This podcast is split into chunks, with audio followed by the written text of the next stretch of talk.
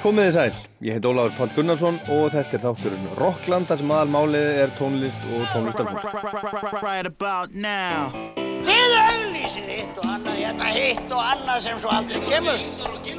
Það var bara ekki auglýst, það var auglýst hvennasöng. skemmtiatriðin hérna kallar.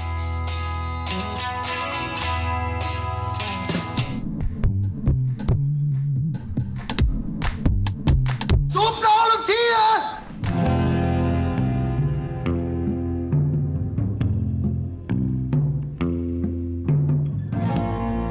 Platan 1 með þeim Jóni Ólafsinni og Nýdönsk og raftónlistamannum Futuregrapher sem kom út núna dögunum hefur vakið mikla aðtegli. Hún vakti meðal annars mína aðtegli og þess vegna hlustaði ég á blöduna og bað þá Jón og tálkfyrðingin Átna Gretar sem er nafn Futuregrapher í kjölfarðum að heimsækja mig hingað í Rockland og þeir koma hérna til við heyrim í þeim og lög af blödunni á eittir. Keith Richards verður 72 ára gammal í desember. Ég held að það sé útbreytt og almenn skoðun að það sé mjög skrítið að maðurinn skulle vera á lífi að það, að það sé ekki bara löngu dauður eftir allan ólifnaðin, eftir all brennivíni sem hann hefur drukkið og dópið sem hann hefur tekið, sprautað sig með grasi sem hann hefur reykt og allar síkaretturnar en áfram skröltir hann þó og núna í september var þriðja sólóplatan hans að koma út.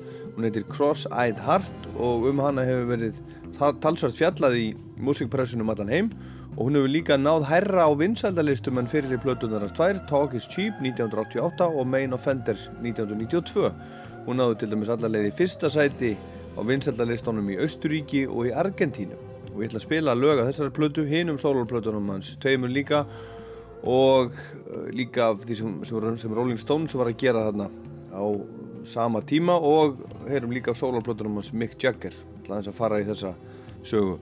Hvernig stóð nú því að að Mick og Keith fór að gera soloplötur og hvers vegna þessi nýja platta var að koma út. Heyrum aðeins í Keith sjálfum og í Rolling Stones.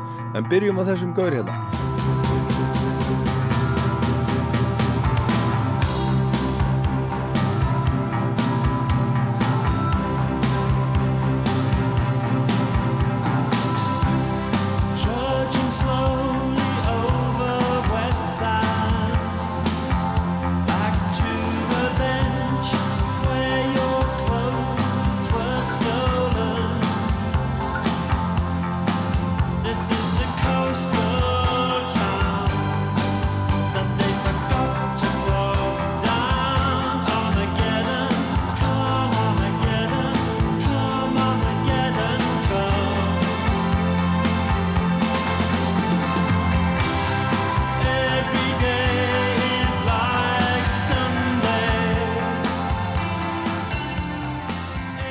Vakti hvorki meirinu minna en heims aðtigli núna um daginn. Viðtal sem Larry King tók við Morrissey fyrir um söngvara The Smiths, núna fyrir stuttu.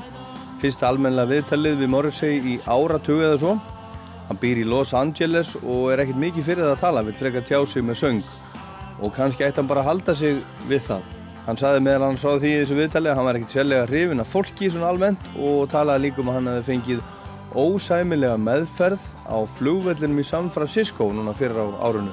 Hann hefði verið að fljúa til London og í öryggisliðinu, vopnaleitinni á flugvellinum hafi öryggisvörður þukklað á hans prívat pörtum þannig að það væri í verstafalli mjög óviðeigandi og ósæmilegt og til að bæta grá ofan að svart þá hafa hann svo stungið fingri ofan í rassaskorun á hann til að leita að einhverju.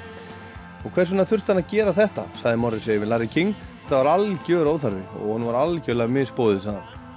Fjölmiðlar höfðu samband við yfirvöld í bandarækjunum sem hafa með þetta flugvall eftirlit að gera og þar var þessu vísað á bug. Eins og fréttamenn segja oft, svo þetta stæðist ekki og núna er komið á netið myndband úr öryggismyndavel sem sýnir hvað gerðist þarna. Sést reyndar ekkert svakalega vel en ég get ekki séð annað en að ekkert hafi gerst þetta er, eins og ég sé þetta óskup hefðbundin skoðun eins og hún er í dag á flugvöllum. Hann er þuklaður svolítið en það er bara þannig sem það er. Það er handahófskent hvernig fólk er tekið í þessum skoðunum. Og við höfum örgulega öll lent í þessu sem Morrissey lendi í þetta en þetta var of mikið fyrir auðmingja Morrissey. Og þið getið séð þetta myndband á Facebook síðu Rocklands. There's a place in the sun for anyone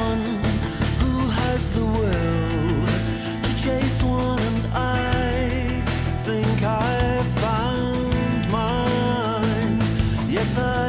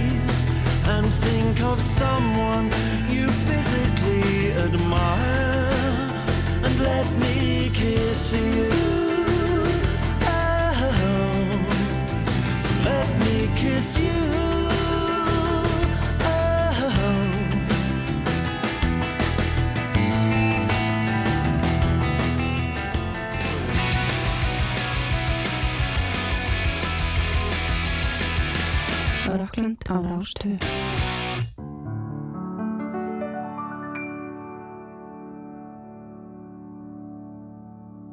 Þú veist að ég þól ekki þegar þú ert of sein. Þú veist að ég þól ekki þegar þú segir mér hvað ég þarf að gera á eftir. Þú veist að ég þóli það ekki Þú veist að ég þól ekki þegar þú síðar mig til. Þú veist að ég þól ekki þegar þú Grípur fram í fyrir mér. Þú veist að jafnvel og ég Að ég þóli það ekki. En ástin breytir öllu Ástin gerir kost úr lesti. Í ástum allt er afstætt.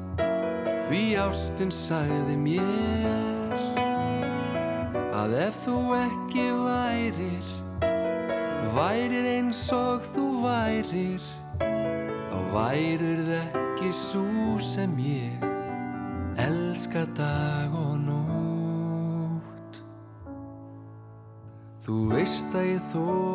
Hérna er hann Jón Ólafsson að syngja fyrir okkur. Jón Góði, Jón úr Nýdönsk, sjónvas og útvarsmaðurinn Jón, kynþokka fylgti maður Íslands samkvæmt kostningu á Rástöðu fyrir nokkrum árum og svo framvegis.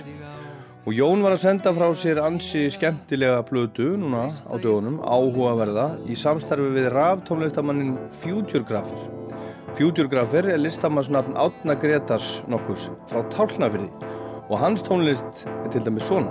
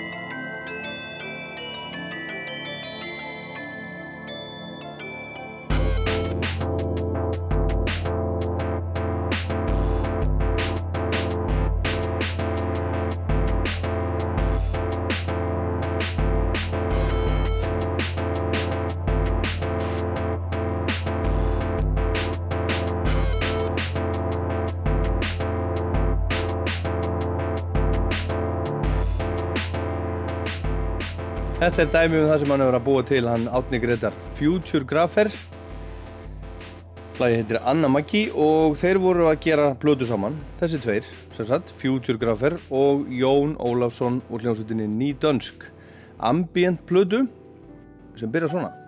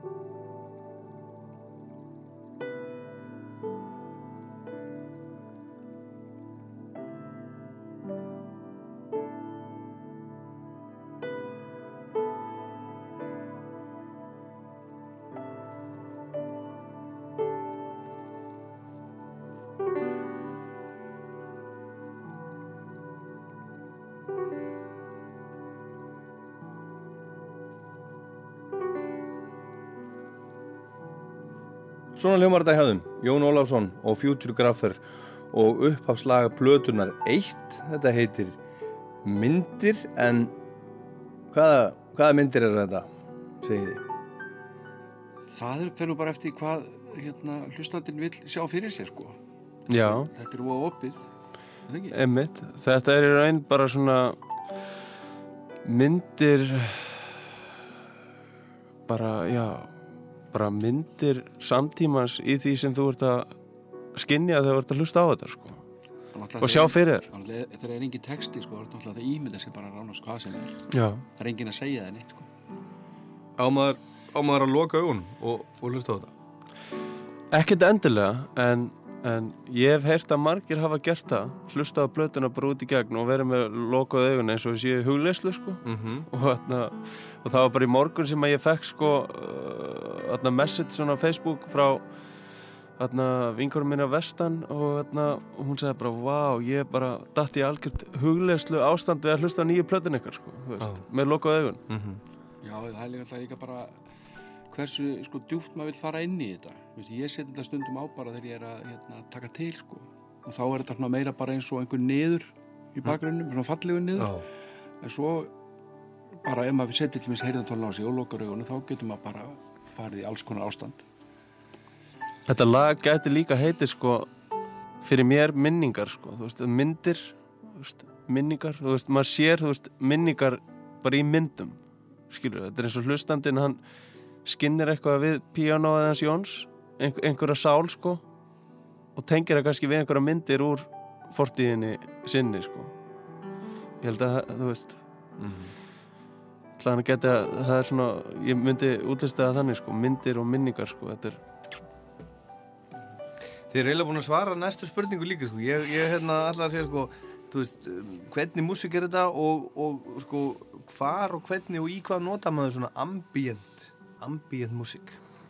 já, Þið eru eiginlega búin að segja það, bara, eða hvað? Já, ég meina, sko, ég, ég hef prófað þetta við, við ýmsar aðstæður, Óli. Bæði, til dæmis er ég með nýfætta litla dóttur mína. Við reyna að ná henni svona niður í, í kvíld. Þá seti ég þetta stundum á. Líka þegar ég er að svæfa strákana mína. Nota þetta í fæðingu um daginn þegar umrætt dóttir kom í heiminn. Og stundum þegar ég er að reyna að sofna sjálfur. Er það? Já, já. Ég bara- Hlustar og sjálfa þig? Liggur og hlustar? mjög, eh, sko- Jú, þetta er þetta gott maður. Já, sko, sko, þegar ég var að spila þetta inn, þá var ég að spila eitthvað inn sem mér, ég gæti ímynda mér að mér þætti gott að hlusta á. Þannig spilaði ég þetta inn. Þú veist, ég, ég var í raun og veru bara einhvern veginn að hlusta um leiði ég var að spila, ef ég get orðað þannig, ef maður orðað það þannig. Þannig mér finnst mjög gaman að hlusta á það sjálf. Já. Ég hlusta ekki á nýtvarsplötunar á hverjum degi eins og. Nei. Nei. En, þú, en þú, þú, þú setur þetta bara á fónin heima hjá þér? Bara, bara Já, svona við ákveðna aðstæður, Já. sko. Já. Þú, ég held að ég hef aldrei e, áður spjalla við tónlistamann sem að hlustar á sínar eigin blötur. Þeir segja það. En það? Já, Já, er þetta bara, það þetta bara er lygi? allir svo hékum ég held að, held að En, en, en sem sagt, ég ætla að segja, en ég skildi, þetta er náttúrulega ekki svona hefðbundin, Nei, þetta er ekki svona hefðbundin svona popmusika sem er búin að liggja yfir, að liggja og liggja, liggja yfir og taka upp og taka upp og taka upp. Þið bara tókuðu þetta upp bara í svona einhverju flæði. Já, ég líka eiginlega að kynnast lögunum ennþá að því ég, ég, þetta var til í spuna hjá mér. Það var ekkert búið að semja neitt fyrirfram. Ég bara bjóði þetta til um leið og ég spilaði þetta. Þannig ég er ennþá að svona, kynnast tónlistegin svolítið sjálfur. Já, og þú veist, og, og, og við útlistum því bara þannig að, að, að ég saði við Jón, sko, þú veist, hvað hugmyndir ég var með og hvað hann geti sett niður á píanóði, sko, og hann gerði bara nákvæmlega eins og, og, og ég hafði ímyndað mér, sko. Þó svo ég hefði alveg geta búist við einhverju mjög, þú veist, bara eh, poppuðu píanó, sko, einhverju ruggli, sko, en þá bara akkurat sett hann allar sína sál og tilfinningar í píanospilið og ég sem sagt tók við því og leik mér í kringu það sko. Og veist, þess vegna get ég alveg ímyndað mér að Jón er að hlusta á tónlistina okkar og heyrir alltaf eitthvað nýtt og nýtt þú veist, já, býta ok þú veist, að því að, að því að þó að það sé mjög svona lástemt þá er samt svo mikið að gerast. Og ég myndi segja að það sé meira svona andlegt frekar en þú veist þú veist svona efnislegt ef ég geti sett það, þú veist, ef við varum að nota tónlist þannig sko, að, að, að, að það er svo mikið sál í þessu Herðu, við skulum heyra, heyra næsta lag. Það heitir, já, bara lag nummer tvö á plötunni. Það, það heitir, heitir Gluggi. Og hvað, er eitthvað, er svona hægt að segja eitthvað? Já, þetta lag, þetta fjalla nú um. Nei, Nei. það er sko, það, svo eru nafngiftinur á lögunum líka náttúrulega, það er svona ákveðin þraut að fara í gegnum. Já, Og Árni byrja nú bara á því að koma með nöfn, einhver svona frekar spondant held ég, Já. á lögin, einhver sem að kveikti í þér. einmitt og, og ég svona skautið ímist í kaf eða komið aðra tillögur e- og svo bara sætti ég mig ágætlega við sum Já, og þetta er einhvern veginn svona, þetta er nú alltaf vandamál sko, og sérstaklega þegar maður er ekki með texta sko, að vita hvað maður á að kalla þetta Þetta, ef maður horfir svona, þetta náðu þetta, þá gæti þetta verið svona, þetta gæti verið sko sigurrós. Nú, já, Gluggi, börn, sálmur. þetta er náttúrulega snýsóldið um minimalisma þessi Já.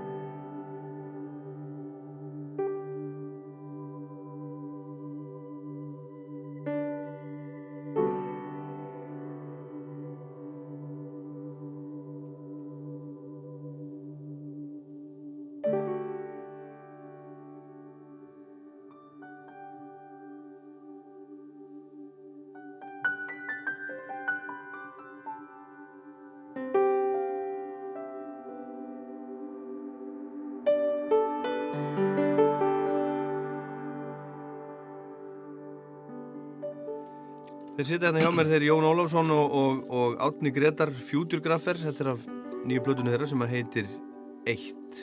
Og hvað er þetta, þetta Eitt? Það er svona klassísk spurning, Já. Nafn, nafnplötu. eitt er uh, nummer 1, 2 og 3 get ég svarað að þetta er plata nummer 1 Já. og svo kemur plata nummer 2 Þið ætlið að halda áfram. já, og svo kemur plata nummer 3 hvort við gerum plötu nummer 4 Já. það verður bara komið ljós Þetta er svona, þríló, svona uh, þrílógía, Star Já, Wars. Við höfum sett okkur það margt Já. að gera alltaf þrjárplötur saman Já, mér finnst það bara gott hjá okkur. En hvernig uh, kviknaði þessu hugmynd? Ég, ég, las eitthvað einhver staðar uh, fyrir einhverju, einhverju síðan að þetta hafi bara svona í rauninni verið hálfgert grín uppálega, einhvern svona rugg Já, þetta vatt svolítið upp á sig sko. ég, ég slýsaðist inn á til að skrá mig inn í svona Facebook-grúpu sem heitir Íslensk, að hét Íslensk raftónlist. Já. að þegar ég var svona Er hún ekki lengur til? Jú, já, hún heitir núna Íslensk raftónlist 2 já, á einhverjum ástæðum. Uh, og hérna mér, ég var nú bara svona mér langaði bara aðeins að kynna mér eitthvað annað heldur en það sem ég hef búin að vera fást við. Og uh, hérna fór þarna inn og einhver samþýtti mig bara og svo fór maður bara að spjalla við þetta fólk sem ég hafði aldrei séð eða hitt og, og hérna mönnum fannst nú bara svolítið skemmtilegt að ég skildi vera mættur hann inn. Og skrítið. og skrítið, þetta er svona frekka þröng sena. Já, og svo fór ég bara að spyrja eh, spyrjast fyrir um tæki og, og, og músík og, og svona bara maður orðin bara svona, komið svona góð stemning í spjöllin Jón, Jón var orðin frekar heimilislegur hann sko. já, já, já, já, já, hérna Jón er nú heimilislegu maður. Já, og svo bara einhvern veginn fara einhverjir að stingum á því að, að við gerum plötu saman. Já, það var ekki jú, einhver sem að segja jú. bara og, þ- og, og það var einhver að tala um þú veist, plötu gerir hverjir ætla að vinna saman og, og, einhver staðar út úr þe- þeim þræði eru ég og hann orðnir takkaðir saman sko. Já, og svo bara spjöllum við saman og fyrst náttúrulega er þetta bara svona létt bara svona lé- lé- léttur húmor sko. Já, en svo sagði ég bara, já, býtu, við getum alveg vel gert svona ambient plötu, þú veist. Ég hef unnið mikið með þannig músík og Jón er svo góður píjónuleikar fremstu píjónuleikar landsins. Við getum alveg bara tekið eitt svona sem allir ættu að hafa gaman af svona einhver ambient músík sem væri hægt að setja á fónin sko. Bara til að gera góðan dag aðeins betri. Þú veist, svona lástend, flott bara. Það mér finnst nú ekki síst skemmtilegt sko að þessi plata sé komin út að sko eftir að hafa farið hann inn. Að ég veit ekki, ég efast um að fólki hafi reiknað með að ég erði þarna mikið meira en eitt, tvo daga innan sér síðan sko. en svo fór ég að mæta á tónleikar, af tónleika og sónar og svona og svo er maður bara búin að gera plötu. Já, og spila svona og spila sónar. Já Þetta er skemmtilegt. Er þetta, er þetta lokaður heimur? Já, ég myndi segja sko Er þetta lokaður heimur og er allir svona Það er enginn sem að eh, nennir að hlusta á okkur Já, ég myndi ekki segja það, það sé kannski viðmótið, en lokaður heimur er þetta vissulega sko varðandi, þú veist, hverjir eru í raftónlistar heiminum sko, þú veist, því yfirleitt hefur þetta alltaf verið sama fólkið sko og svo vinnir þeirra og að þegar gauðir eins og Jón kemur hann inn, það finnst öllu svo skrítið sko, þetta er eins og, veist, ef þú værir í MH til dæmis, svo allt í henni er komin einhver gaur úr, þú veist, FH, þú veist, fjölbreytti ármúla inn í partíði, skilu, þá eru allir bara svona, þetta er ekki alveg, þú veist, Já. Ég maður þegar ég mætti líka á, á jóla tónleikarni hjá Möller. Já, það var alltaf eitthvað fólk að koma til mér bara hvað er þú að gera hér? það var eitthvað bannað að fara á já, tónleika af, af því að þetta, þetta er veist, þetta er eins og með pöngið, þið þekkið það báður, Mm. þú meira, Óli, þú veist, það var alltaf sama fólki, skilur, skilur hvað ég var nú bara svona sunnudagspöngar á Akranesi. Ég var, ég var svo ungur sko, ég er á þeim aldrei að ég, ég upplifði það í rauninni ekki nema bara í gegnum þú veist, músíkin á blöðunum og blöðunum sko. Þannig að Jónin þekkir það örgulega já, já, á eigin skinni betur en ég. Já, já, en, en þetta er svona svolítið, að eins og svona, uh, svona bílaklúb sem að enginn má vera í nema bifilavirkjar þó að allir hafi gaman að því að fara út að kæra sko. Já, ég, ég, en sko, ég myndi ekki segja að væri samt af neikvæðu uh, sjónamiði að það sé þannig, sko. Þú veist, af neikvæðu, það er bara, hefur bara einhvern veginn svona orðið þannig. sko, þetta er náttúrulega bara þannig að sko, það er allir velkomnir inn, inn í Já. þessi senu en það er bara kannski allt og fáir sem að mæta Já, ég er að segja, þú veist, Þess vegna er að þetta hafa sama, áhuga. já, alltaf sama Já. fólki En svo er það líka, þú veist, hvað er raf tónlist í rauninni? Ég meina, Mhm. uh, ég hef alltaf átt erfitt með að skilja þetta í rauninni, sko, raf tónlist, er það, er það tónlist sem er búin, búin til, sko, með einhverjum ákveðnum, eh, ákveðni tegund af raftækjum, ég meina, eða, eða hvað? Ég meina, að því að svo eru áhrif hinga og þangað og, og pop, þú veist, ég meina, þetta er, þetta er eitthvað svona, Þetta er eitthvað svona skilgreiningar atriði sem er einhvern veginn ekki hægt að skilgreina nema þú sért með einhverja, einhverja snill núna. Nei, sko, máli er, ég fæði þessu spurningu ofta því, þú veist, maður er búin að vera þarna í mörg ár og, gefa út. En ég held að svari sé bara, þú veist, að, að þetta er raf tónlist sem að við erum að kalla raf tónlist er svona tónlist án einhverja reglna fattiði mig, þú veist samin vissulega á, á, á, á græjur einhverju svona annarkur tölfur með fullt af plugins eða þú veist fullt af trommuheilum og einhverju syntum og það er verið að íta á upptöku og það eru enga reglur. Svona eins og með pönkið var í gamla dag skilu, þú veist, það er engin regla og það er engin svona nei, nú verðum við að hætta sko, þú veist, að því þetta á að vera spilað í útarspunni eða eitthvað, skilu, þú veist, eitthvað þannig. Þó að, þú veist, ég hlust alveg á músík sem er spilið í útarspunni, mm. það, það, þú veist þá er þetta bara einhver svona þannig spunið upp frá því að það er engar reglur að nýra aftónlistinni, það er bara fólk komið saman að semja einhverja græjur og það þarf ekkit endilega að vera tónlistamentað fólk sko.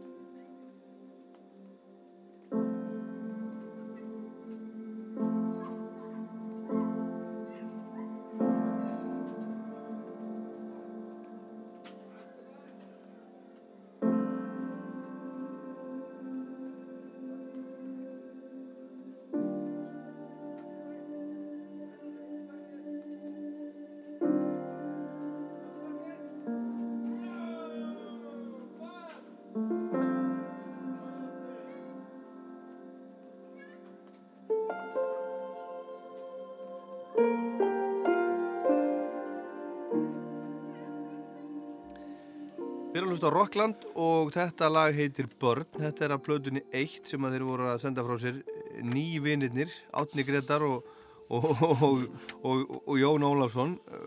Hva, þannig eru börn í læginu. Hvaða, hvaða börn er þetta, ykkar börn?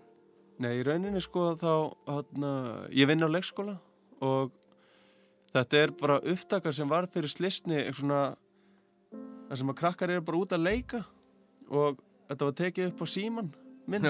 Sagt, skilur og það heyrist bara að krakkarnir eru út að leika og það er með þess að heyrist í þessu lægi með þess að einhver kallar átni og það er bara þannig að þetta er eiginlega bara svona krakkar á leikvellinum bara þú veist í bara alls konar leikjum og, og þarna, fyrst átt, ætlaði ég að kalla lægi sko eftir leikskólanum Brákaborg. En Jón sagði þá sjálfur þarna, okkur ekki bara börn? Þú veist, að því ég hef ekki tengingu alveg við leikskólan Mhm. en við hefum allir tengingu börn við erum, við erum báðið feður og, og þú veist og vorum einu sinni börn Já, Já, en aldrei verið þið mæður. ekki þessu Nei, ég held ekki Herðu, en, en hérna, þetta hefur fengið gó, góða viðtökur. Þetta, þetta, þetta þykir svolítið smart.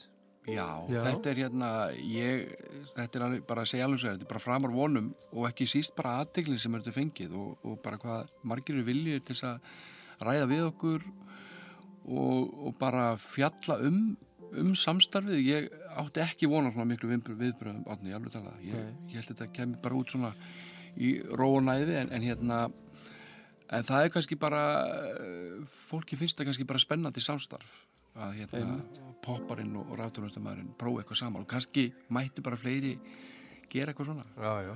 En hérna, sko, þetta sem þið voru að segja hérna áðan með, sko, þetta, þegar þú mætir hérna á einhverju möller kvöld, svona raf tónlistakvöld, þá er verið að spyrja því, býtu, hvað ert þú að gera hérna? Það er svolítið, það kristallast kannski svolítið í þessu, að það er einhvern veginn, það var einhver grein núna, einhver stað sem ég laðis um, um, sko, elítuna, eitthvað svona, það er eitthvað svona, Mhm. þú veist, það er einhvern veginn uh, Ísland er svolítið þannig og, og hugsalega heimurinn allir, ég bara hef ekki samanbörða það er sko, þú, er allir einhvern veginn flokkaðir Já, Þú veist, þú veist, hérna til dæmis í tónlistinni bara almennt sko, þú veist, þá, þá, þá er rauninni, þá er það ekki endalega afur sem að skipti máli, ekki lægi sem þú heyrir ekki alltaf, vegna þess að það er, það er hérna spurt sko byttunum við, hver, á, hver er þessi nú í hvaða skóla var þessi og, og hver eru vinir hans og hvaða bari sækir hann og hver kaupir hann fötin sín og svona og þegar all, Einmitt. allt er svona búið að raða öllu saman þá segir það já, nei, þetta er ekki fyrir mig eða já, þetta er fínt, ég fíla þetta Já. skiljið mig, þannig að þetta er Já. svolítið svona það, það er svolítið óvennilegt þeir komið svona svolítið úr sikkur áttinni. Þetta er svona heimin og jörð eða eitthvað og, og hérna þú frá, frá Reykjavík. Jón Popparinn sem var í, sem var í Vestló og, og, og stopnaði Sálina og Possibilities og, og Nýdönsk. Ég stopnaði reyndar ekki sko. Nei, eða eitthvað svona. já, já. Þú fér- férst að vera með Já, já, já, já, En, en, en þetta er svolítið svona ó, óvennjulegt Já, þetta er óvennilegt og, en ég, ég vil taka það fram sko að mér var rosalega vel tekið þetta fólk var fyrst og næst bara að hissa á að maður skildi sína þessu áhuga. Einmitt. svo held ég að það voru ennþá meira hissa þegar ég fór að mæta á sónar og hvað þá ég mætti svo aftur á sónar Já. árið síðar þannig að þetta er alveg alvöru áhugi og svo síðan þá er ég búin að sko vingsa mjög mikið út úr þessari ráftónlist ég er búin að finna út svona meira hvað höfða til mín og, og það er fullt af hlutum að sem ég finnst alveg ótrúlega leðilegir líka eins og í allri tónlist en, en hérna þetta er bara búið að vera alveg ótrúlega skemmtilegt og, og hérna og gaman að prófa að gera eitthvað annað en maður er vanur. Þetta er eins og þú varst að segja, Óli, sko. Þetta er vissulega þannig að fólk holfa sér saman, sko, í samfélaginu. Gera það ómeðvita, held ég. Og þess vegna er alltaf svona mikill, svona, ha, býtu, Má, má já, það? Já, býtu, Óli Palli, þú mættur hingað. Já, þú veist, já, hvað átt þú ekki að vera á rúf, þú veist. Ég, en ég vil að segja það, mér finnst bara ótrúlegt að bæði að, að, að sita hérna á Róstu í þessum þætti og hér er verið að spila þessa músík bara í marga mínútur og, og heiða gera það sama í langspilinu. Ég er ekkert sem að þau hefum heyrt þetta fyrir tíu árum. Og mér finnst sko þetta veggitin er að rinja.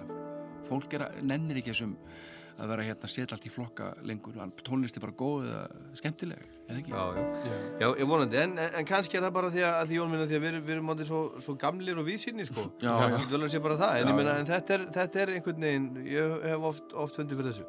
En við skulum heyra hérna, heyra aðeins brot.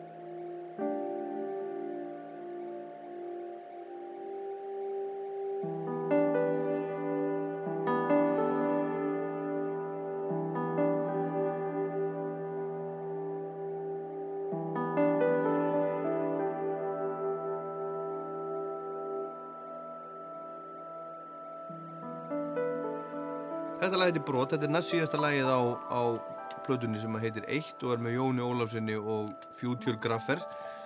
Þetta er, þetta er skemmtilegt, það sem ég hugsaði sko þegar ég var að hlusta á þetta hvar á þetta heima og ég heyrði strax, já, þetta er bara svona þægilegt, er, þetta er svona, það verður að nota þetta í, í slökun og líka svona music to make love to, hugsaði, þetta eitthvað svona, ást í þessu öllu saman. En, en hvernig, hvernig gerðu þetta? Þú veist, tókst þú upp einn Jón og tók hann það svo, hann átni? Já, har rétt hjá þér. Sko, þetta byrjaði bara þannig að ég sagði við átna, ég skal bara prófa að búa til eittu verk eða lög og senda þér og, og segðum bara hvort ykkur glóra í þessu því að ég náttúrulega hef ekkert stúderað svona músík neitt sko eitthvað aðeins hlusta á Brian Eno genið tíðina og svona, þú veist, eitthvað sem maður heyri bara einhverjum inn á nuttstofum og í bláa lónu og svona en ekkert verið eitthvað að leggja mig eftir ambientónli sko Þannig ég svona, sagði bara átna, ég ætla bara að setjast niður á píanóið og spila eitthvað, senda það og segja mig bara hvort þetta sé eitthvað áttina. Gerði tvö lög, sendi bara átna og svo bara beigir alveg, bara spenntur, hvort ég fengi bara, hvort ég stæðis prófið. Ég man bara eftir að þegar ég setti á play og þá var ég með, með sko þú veist, já, þetta, eins og ég sagði hann, þetta getur verið kannski einhver svona bara einhver pop vitleysa þú veist, fattar Já, bara instrumental, bara pían og vitleysa bara, þú bara veist, klæ, eitthvað. klæti mann. Já, en, en, en svo bara komu þessi tvöverk og það bara ég nánast táraði sko. Að því, að því að ég vissi nákvæmlega hvað ég geti gert í kringumynda sko. Þú veist, bara hann andaði s- svo fallega sko, þú veist, þá er ég að tala tónlistin Já, andaði já, fallega þetta er alveg bara Já. svona, það, það er ekkert verið að gera neitt og mikið. Nei, og, og ég bara, þetta snerti mig sko. já, og svo sem sagt bara tók átni músíkina og hérna og setti sitt mark á hana með árhjáljóðum og syndum og, og svo vorum við bara að senda þetta svona fram og tilbaka og gera aðtóasemdir og, og breyta og bæta og tók þetta aldrei langan tíma í að gera þetta Einmitt. Þó höfum við kannski ekki verið endilega mjög lengi að búa þetta til sko. Nei, og svo fórum við bara tvo, tvo daga hittust við heima á Jóni Mm. fórum yfir atna, mixið og bara lögin og, og, og þú veist og í rauninni bara, við sátum við bara í hljóði tölum sva, saman eftir hvert eitt og eitt lag höfum einhver aðdásendur eða maður lakka eins í þessu maður hækka eins í hér og, og svo bara, vá, herri, þetta er bara þetta er bara kom Já, var, þetta var lí, áreinslu lítið. Já. og það er bara einhvern veginn, þú veist, eins og myndin þú veist, hu- hugmyndin er henni hún veist, átni fekk hana bara á þess að vita af því sko. hann er alltaf að taka myndir af sjónum. Já, og ég post, posta því á Facebook reglulega, þú veist. Þeir eru báði vinnum mér á Facebook er mikið að taka myndir sko. Og þarna posta mynd af sjónum. Og þá segi Jón bara, herðu coverið okkar er komið. Já. og ég eitthvað, ha, wow ég, ég, Þetta er bara svona, Já. þetta er bara segir allt Einmitt. þetta. Já, og þá bara hafði ég samband við þarna Sigger og baði hann um að taka bara mynd af sjónum og hann bara gerði það fullkomlega bara svona akkurat lágstemda mynd Já, af já. sjónum. Og akkurat í loka læginu, vestur, þar, þar syngur hafið.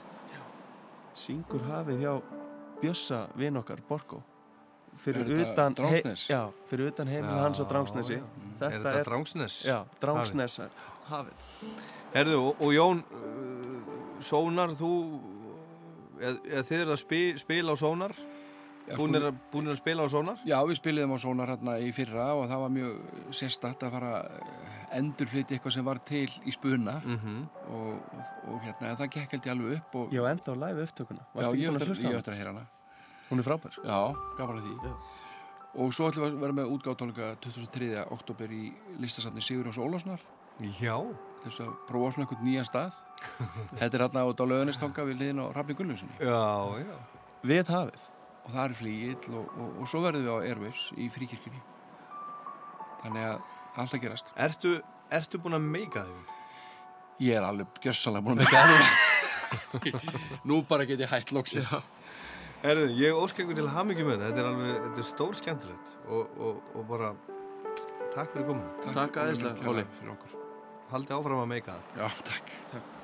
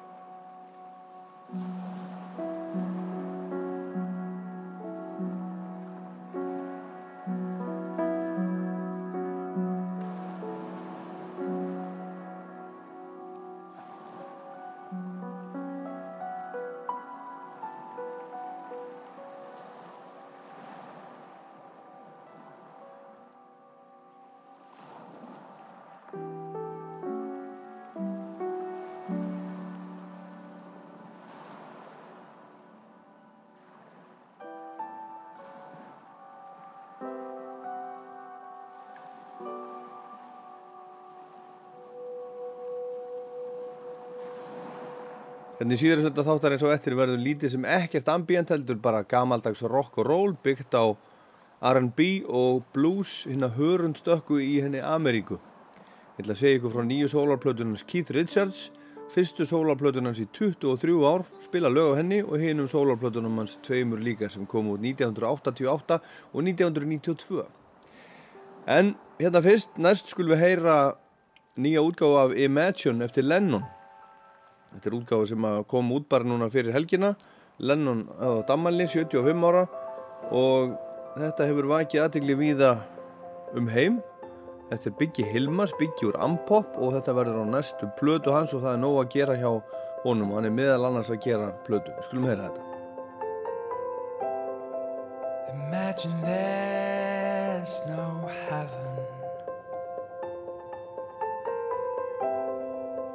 easy if you try.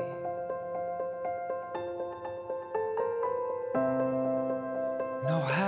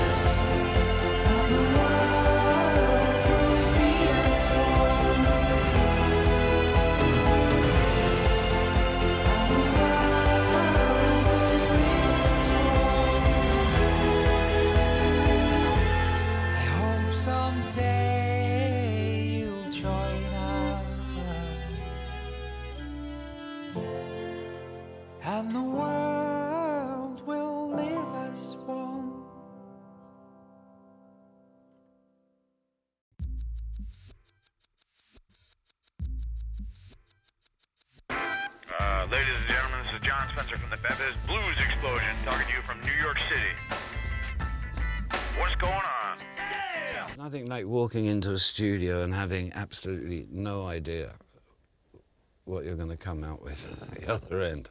It's, uh, uh, it, it's interesting, exciting. There's, a, uh, there's no menu, it's all a la carte.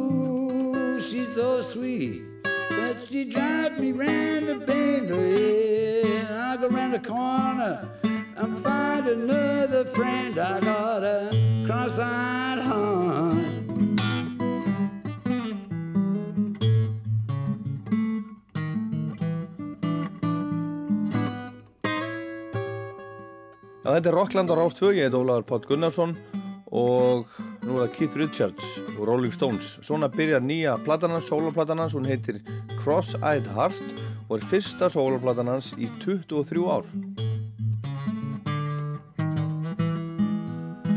That's all I got.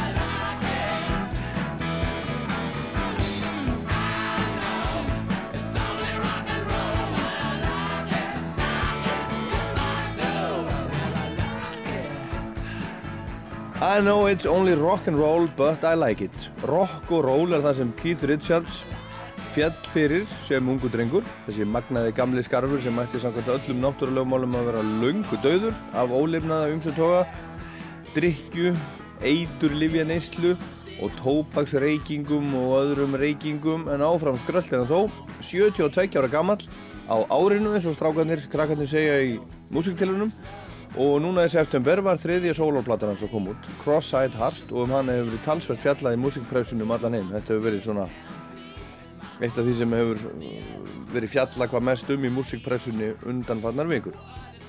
Og ekkert endilega með sér hópan í túra fyrir þessu bara þetta er merkilegt. Keith Richards, sólárplata fyrsta platan hans í 23 ár. Og Keith er einn af þessum stóru auðvitað í rocksögunni, gítarleikarinn í Rolling Stones og sá sem að samtöld lögin með söngvaranum, hún er Mick með stóramunnin, Mick Jagger. Og það sem meira er sum lög Stones eins og Gimme Shelter, Street Fighting Man, Jumpin' Jack Flash og Sympathy for the Devil spilar hann meira á minna einn, hann spilar á allt nema trómundar, bassan og gítarinn og, og allt saman. Og það má segja að þessi lög, til dæmis, hefðu öll geta endað á sólarplötu hjá Keith í gamla daga en það kom aldrei til greina að gera sóloplötur. Hann var í hljómsveit og einhver smá bandi, The Rolling Stones. Og hann er eins og ódrepandi eftir allt sukkið í gegnum árin, stendur hann enn, krumpaður eins og brevpóki, hendurnar og fingurnar eins og kræklóttar byrkigreinar á eldgömlu trið sem stendur við þjóðveg 1. Allt í ríki, röttin hás og hóstinn þurr, hann reiki stanslaust, að minnst eitthvað eitthvað að marka viðtölun sem ég hef verið að lesa. Þau byrja öll á lýsingum á því hvernig Hann stanslistur að kveikja sér í Marlboro og svo dælir aðstofmaðurinn hans í, í hann driknum hans Nuclear Waste, kjarnorku úrgangur sem er vodka og einhver svona appelsínu djús með gósi og nóa vís og á þessu lifir hann einhvern veginn og hann hlær mikið, hann hlátur mildur. Þetta held að sé skemmtilegur. Og það hafa margir lesið æfisögu kýð sem kom út fyrir nokkrum árum og heiti Life. Og eh, eftir að ég las hana þá einhvern veginn ógs álið mitt á Keith ekkert sérstaklega en það er, það, það er svo sem einhver tilgangurinn hjá honum held ég að koma út úr þessu eins og einhver, einhver dillingur en ég er ekki vissum að þessi bók sína okkur hennar gauri raunin eins og hann er. Bara einan hlið á honum, ég hef aldrei aldrei hitt hann. Og mér fannst það ekkert sérstaklega svona sjármærandi í þessari bók en ég held að hann sé, sé skemmtilegur. Ég þekkir reyndar einn mann sem hefur, hefur hitt hann og umgengist hann svolítið var talsvert með honum um tveggja mánuða skeið fyrir svona 15 áru síðan ferðast með honum og Rolling Stones á Bridges to Babylon tónleikaferðina sín tíma í tvo mánuði var að vinna fyrir hljómsveitina með henni og hans orð voru nákvæmlega svona. Keith Richards er leiðilegsti maður sem ég kynst mér sárnaði þetta að heyra þetta ég er afskaplega hrifin af, af Keith. Líti á hann sem vinn minn en hef bara fylgst með honum í fjallaði gegnum tíðina og dáð það sem hann hefur gert tónlistina og það er hún sem við ætlum að hlusta á hérna saman tónlistina hans af sólarplótunum hans stremur í bland við annað There's always an inspiration behind anything anybody plays.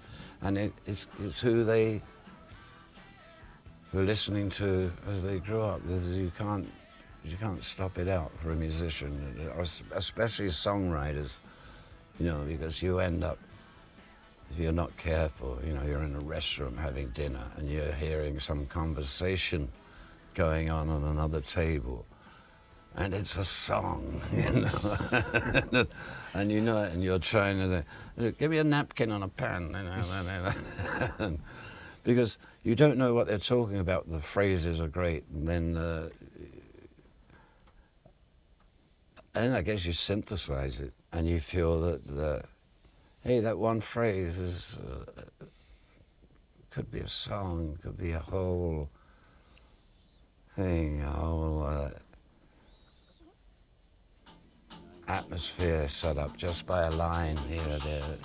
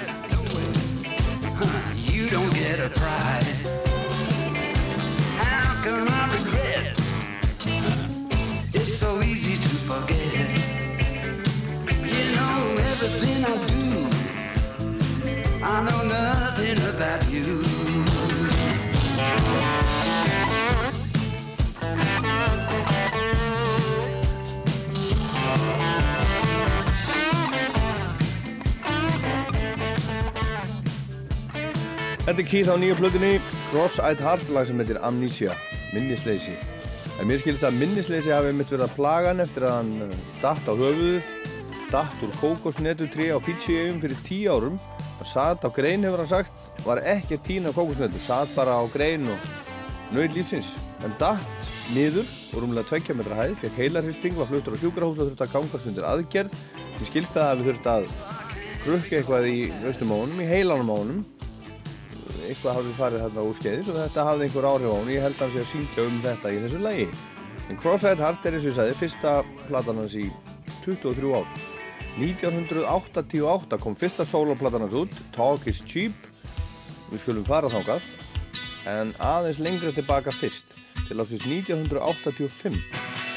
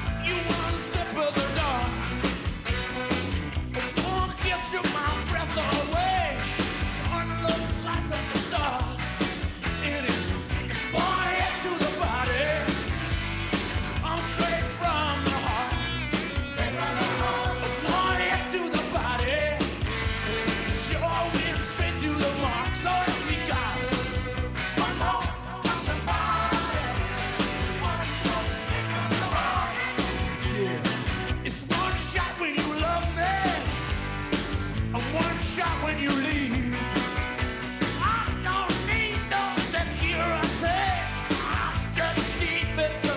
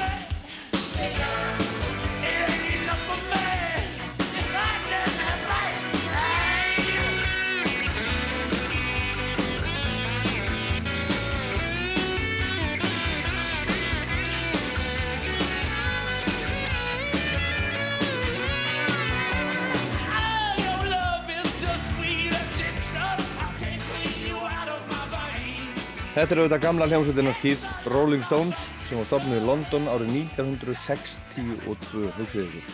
Þetta er bara rétt eftir setni heimstyröldina, 17 ár frá stríðslókum. En þetta er uppáfslaga blötunar Dirty Work sem kom út 1985, var hljóðrötu í París, skömmu eftir að fyrsta soloplata Jaggers kom út. Og Keith var ekki í góðu stöðu þarna og reyndar engin þeirra í bandinu ef út í það færið. Keith var brjálaður út í mig, fannst hann ekki vera með rétta forgámsröðun, sagði að hann var í alltaf upptökinu því að leika einhverja popstjörnu í staðis að einbita sér að hljómsveitinu sinni.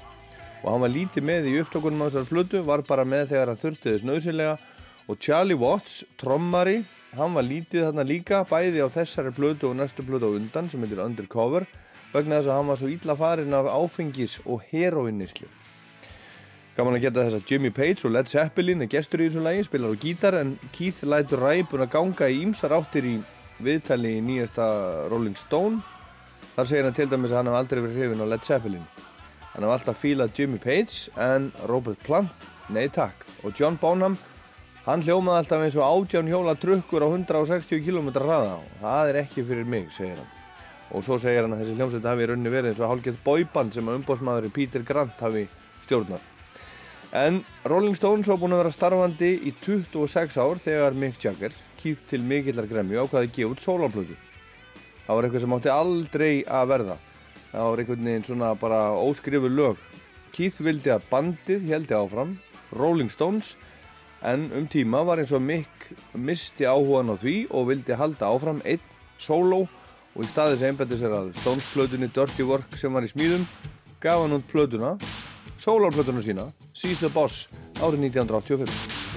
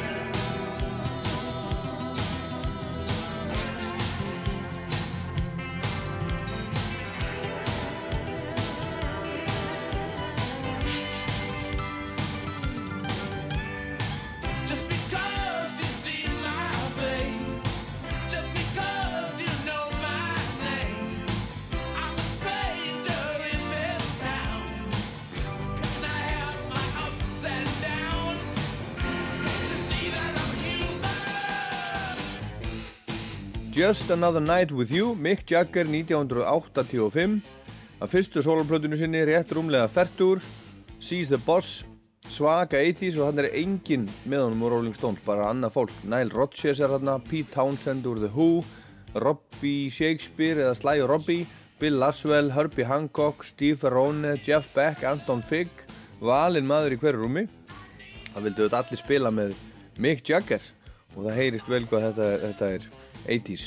Það er gaman að setja þetta í samengi, þetta þóttu náttúrulega orðið svolítið gamlir, gamlir skunkar á þessum tíma. En þarna eru þessi kallar Mick og Keith eh, talsvert yngri til dæmis en John Grant er í dag. Þeir eru svona á svipum aldri og, og strákarnir sem eru í hjálmum í dag. En Keith var sem sagt þarna alveg brjálaður út af þessu. Starf sem er Rolling Stones afskaplega lítil og honum fannst Mick, hans gamli vinnur, hafa svikið sig og hina strákana í hljómsveitinni. En ákvaða að taka þátt í leiknum og gefa bara út sólaplötu, gaf út sína fyrstu 1988 en þá var Mick búinn að gefa út tvær.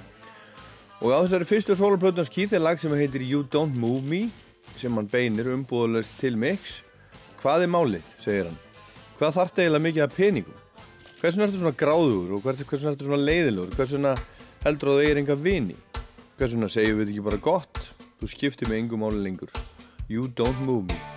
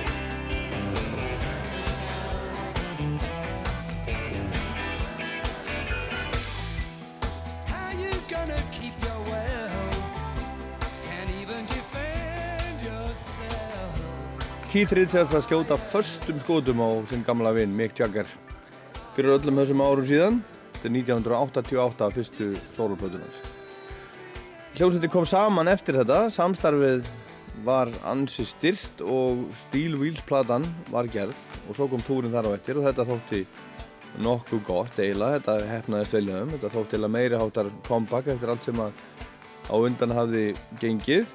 Þeir voru lítið búin að talast við í, í tvö ár, þeir Mick og Keith, gamlu vinnindir, samherjarnir og litlu munaði að Rolling Stones yrði bara ekki meir á þessu tíma, þeir myndu bara hætta. Og kannski var niðurstaðan ekki svo, einfallega vegna þess að Mick gekk ekkert alltof vel einum síns liðs. Hann þótti ekki alveg jafn spennandi án kallana í hljómsveitinni hans. En Mick og Keith hittust í janúar 1989 og eftir tvær, þrjár vikur voru þeir búin að semja næstum 50 lög saman. Það var bara alveg og í gamla daga.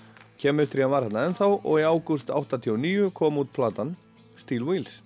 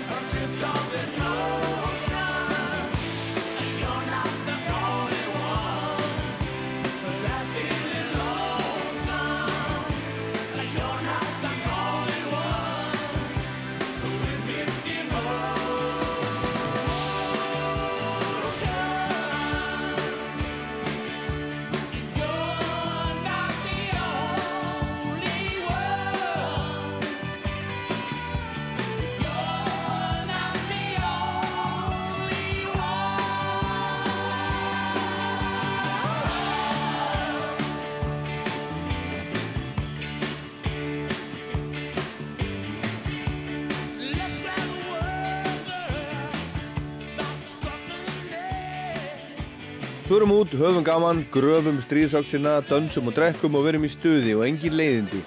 Og svo fylgir svona nett hótun með. Þú ert ekki eina skipið í hafinu, eini fiskurinn í sjónum. Rolling Stones af Steel Wheels, lagið Mixed Emotions. Og þetta gekk bara þokkalega vel hérna, Steel Wheels túrin.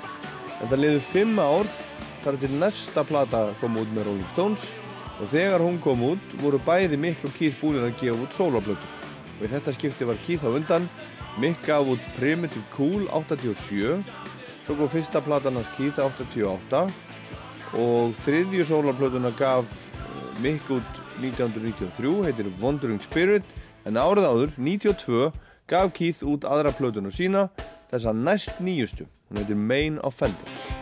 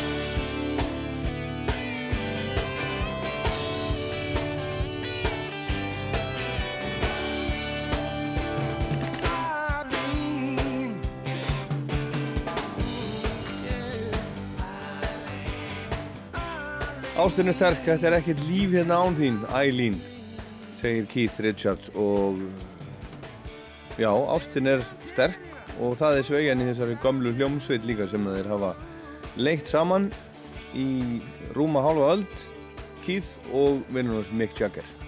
En þarna þegar þarna var komið var bassarleikarin Bill Wyman hættur í Stones, hann var með á Steel Wheels og svo hætt hann og spilaði ekki meira með hljómsveitin ekki fyrir en í 50 ára ammælistúrunum 2012 þá kom hann fram þar sem gestur eins og Mick Taylor. Og Keith segir frá því í viðtali nýjasta hefti Mojo tónlistablaðsins að þeir hafa verið að ræða þetta í þeim túr. Hvers vegna þeir hafa hætt hann og Mick Taylor.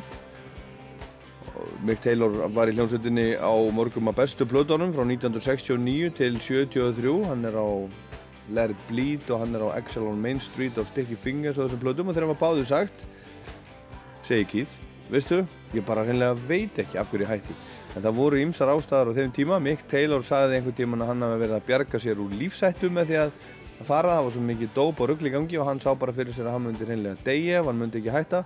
Og Bill Wyman sem er elstur þegar Stones pilda hann er hann 78 ára gammal hann var orðin gríðarlega flugrættur búinn að fljúa fram og aftur um heiminn ára tögum saman og var orðin vissum að hann hlita að fara að rapa og deyja. Það er allavega svona ein ástæðan sem ég hef heyrt. En síðan önnur sólarplatan hans Keith kom út 1992 hafi ekki komið nema tvær plötur með nýjum lögum frá Rolling Stones. Bridges to Babylon kom 1997 og svo A Bigger Bang 2005 en þeir hafa túrað þeimun meira. Þar eru manni penningarnir, þar er stöðið og allir að klappa mæti vinnuna. Allir búin að fullt af fólki búið að gera fullt af frábæra hlutum undirbúið allt og svo mæta þeir spila og skemmta sér, er í partíinu ráða lögunum í tvo tíma, kannski tvo og hálfan. Og svo klappa alveg brjálagslega og þeir fara heim með alveg fullt af penningum en 94-95 þá var það Voodoo Lounge túrin 97-98 Bridges to Babylon janúar til april 99 þá var það No Security Tour. 2002 og 2003 þá var ekki svona rúmt ár þá var það Licks túrin 2005 ágúst til ágúst 2007 A Bigger Bang Tour. Svo var það november 2012 til, til júli 2013 50 and Counting túrin februar til november 2014 14 on Fire. Og svo er það mæ til júli 2015, núna í sumar Shipcoat túrin. Þeir var að spilað helling en ekkert verið neitt sérstaklega mikið að gefa út plötur. En nú skilst mér að allavega á þessu viðtali við við Keith að Mick vilji bæði fara í nýjan túr og gera nýja plötu. En síðasta plata var sem 2005 A Bigger Bang og ég get ekki að því gert. Ég bara fíla þetta. Ég finnst þetta gott, þetta eru vinið mín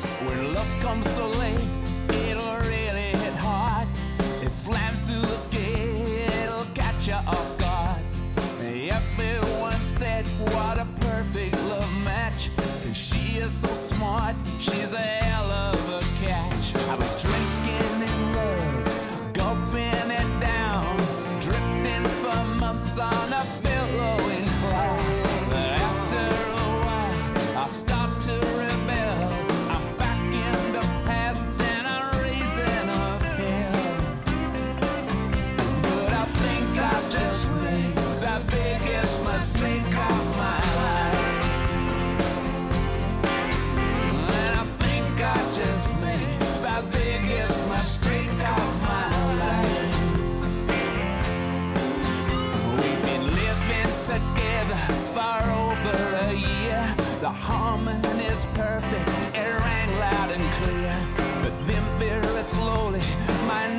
doctor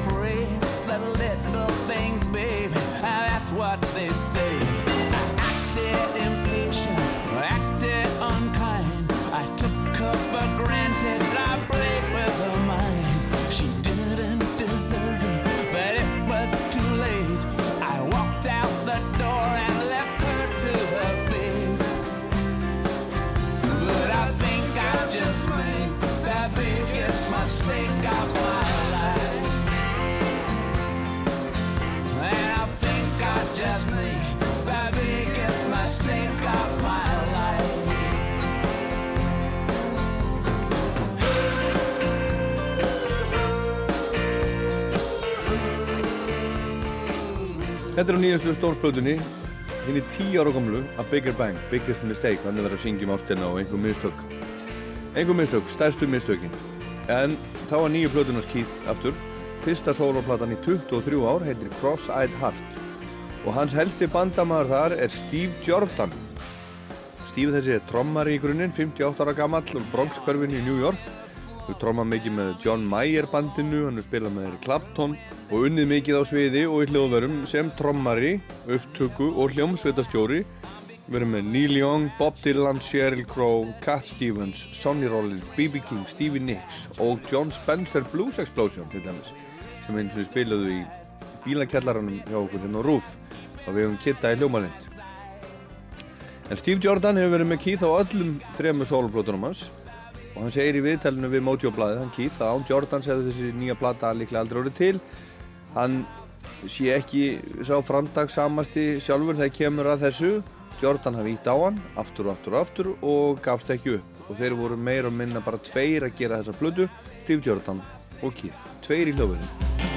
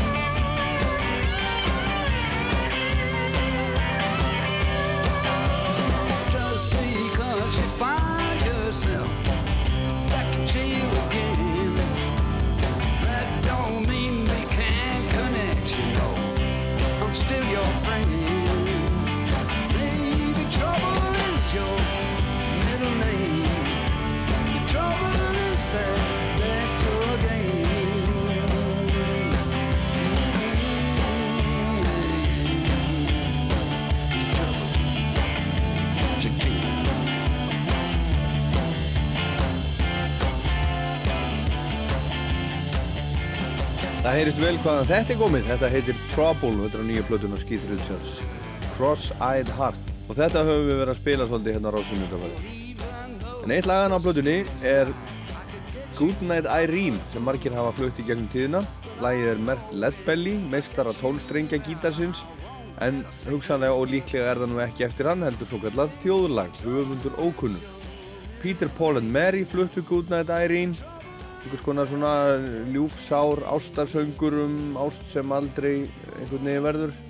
Eric Clapton hefur gefið þetta út Johnny Cash gaf það út 1958 Frank Sinatra 1950 Tom Waits 2006 og Keith Richards núna 2015 og hans útgáfa inni heldur erindi sem er yfirleitt sleft þar segist sögumöður elskana Irene svo rosalega mikið að viljun hann ekki þá ætla hann að fara heim og drepa sig með morfínu You know, Goodnight Irene, for instance, is not something that I would have put on my list of I'm going to cut. Always loved Lead Belly. Always loved uh, intrinsic sort of folk uh, music because um, Led Belly wasn't necessarily a blues man. He was a balladeer more than anything, but he was also, I think, an incredible part of American music. And I just sort of wanted to tip the hat that way, and then finding the original lyrics, you know, which is full of morphine, that is right up my alley. you know. So, uh, I mean, and also, yeah, I, I, I realized as I was doing this stuff, you know, how much steeped I am in uh, uh, American music, uh, American, especially folk music, and uh, you know, well, it- well, that includes jazz and blues, includes just about everything. I mean, after all, pop music's folk music as well. But um, I, I just felt that, you know, hey, you know, at this time in life, I want to lay down my version of Irene.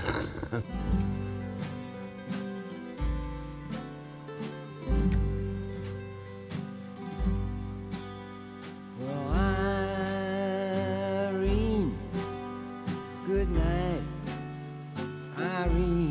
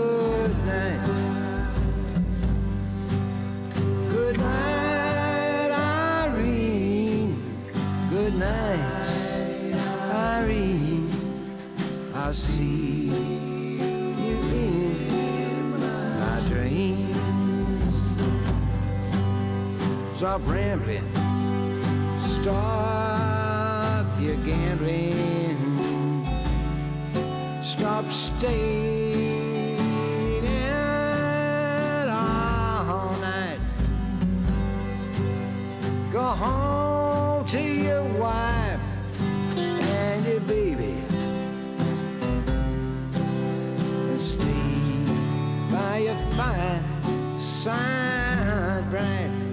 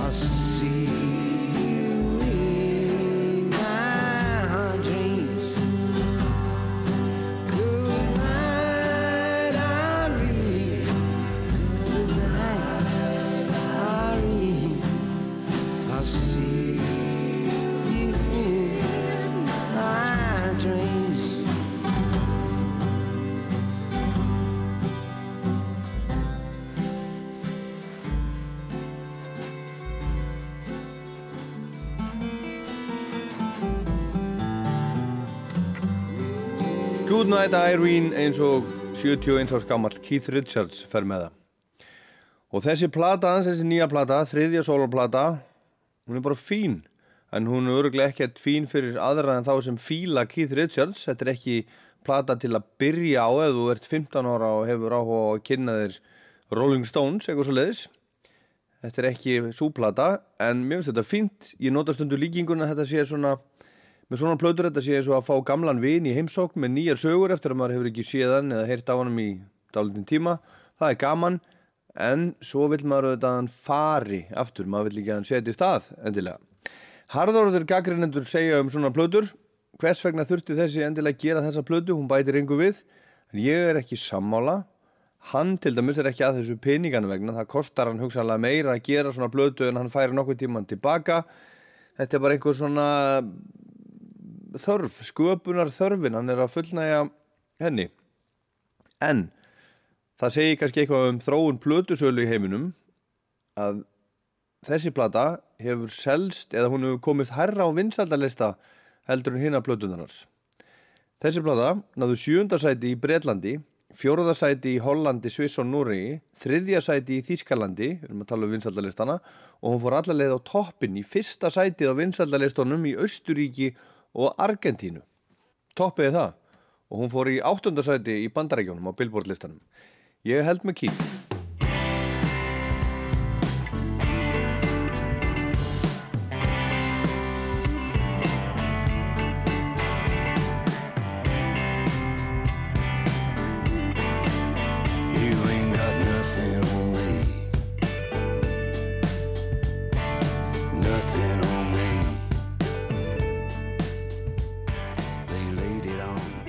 gott fólk, þetta var Rockland sem átti 20 ára ammæli á miðugudaginn 7. óttúber, hugsið ykkur 20 ár, okkur um einasta sunnudegi þessi þáttur er nummer 975 Jú, ég haldi smá partíð þegar þeir voru kominir í 1000 Ég heit Ólafur Páll Gunnarsson Takk fyrir að hlusta know they laid another charge. That's why I'm still at large. No, they got nothing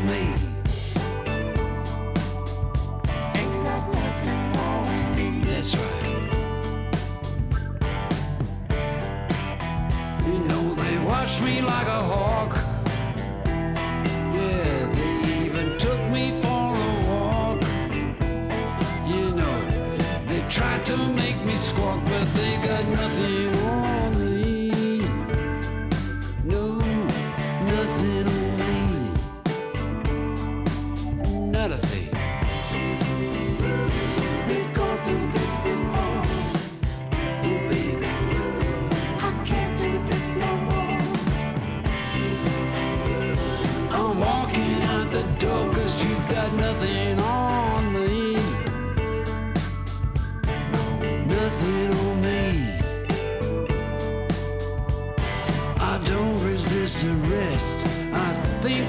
think the best, you know.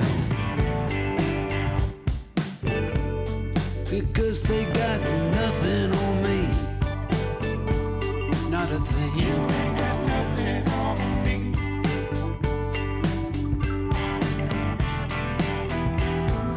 I was in between. Yeah, it's something unforeseen.